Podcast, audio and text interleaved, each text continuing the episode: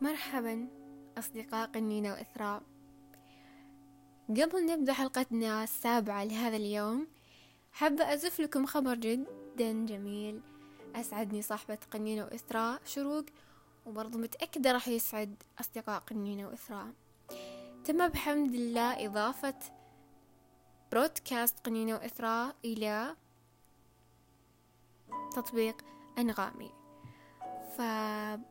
فمن بعد كذا راح تقدرون تسمعون قنينة وإثراء عبر ال SoundCloud وأيضا تطبيق البرودكاست وأيضا تطبيق أنغامي.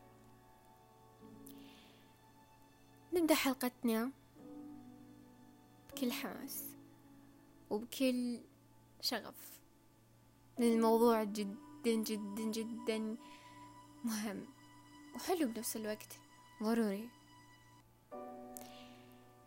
سنتحدث عن شيء مؤذي روحيا لنا ومهلك جسديا وهو أننا نعتبر أن باستطاعتنا التعامل والتكيف بحياتنا كالصخرة.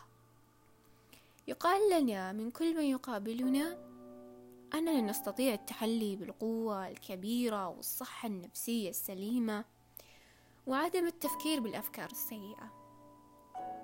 وأن علينا الشعور بالحماس والشغف تجاه كل شيء بالحياة ونصبح صلبين خاليين من المشاعر والأحاسيس. وننسى جميعا أننا بشر ولسنا صخرة. فمحاولة التجنب للأمور والمشكلات الصعبة التي تحصل لنا تجعل المواضيع أصعب. وفي كل مرة يزداد الضغط النفسي والحياة بالنسبة لك تنقلب رأسا على عقب بسبب فكرة أنك قوي كفاية لدرجة أنك كالصخرة بمصطلح عامي وسطحي نسلك لأنفسنا عشان يمر الوقت فقط طيب قد سألتوا أنفسكم إيش الوقت اللي تنتظرون؟ إلى متى ستعيش هالك الروح والجسد؟ بعدم تخلصك من الألم أو المشكلة الواقعة بطريقة سليمة ومريحة لك دون الهرب إلى أمور تجعلك تتناسى وتزداد ضغطا بداخلك إلى أن تحصل مرحلة من الشعور بالأسى على نفسك ويصبح العالم كئيبا وكل ذلك نتيجة لتحمل وتحميل روحك أكثر من اللازم وعدم حل المشكلات من صغيرها إلى كبيرها وتجاهلها حتى تتراكم بالنهاية. سأعطيكم قصة لطيفة صغيرة قصيرة. اجعلوها مثلا صغيرا أمامكم عندما تواجهكم مشكلات.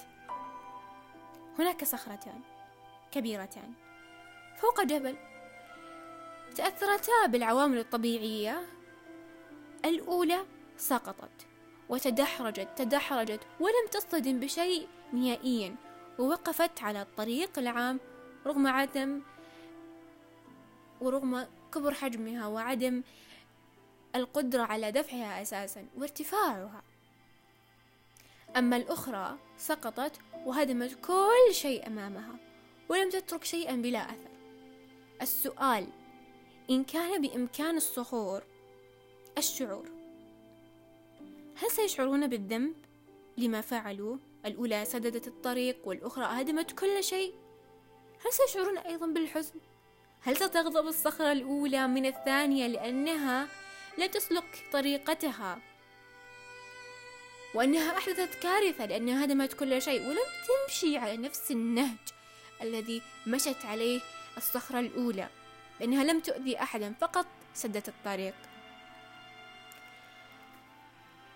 إليك المقصود. جميعنا إنسان. نمر بتجارب إنسانية. تختلف من شخص إلى آخر.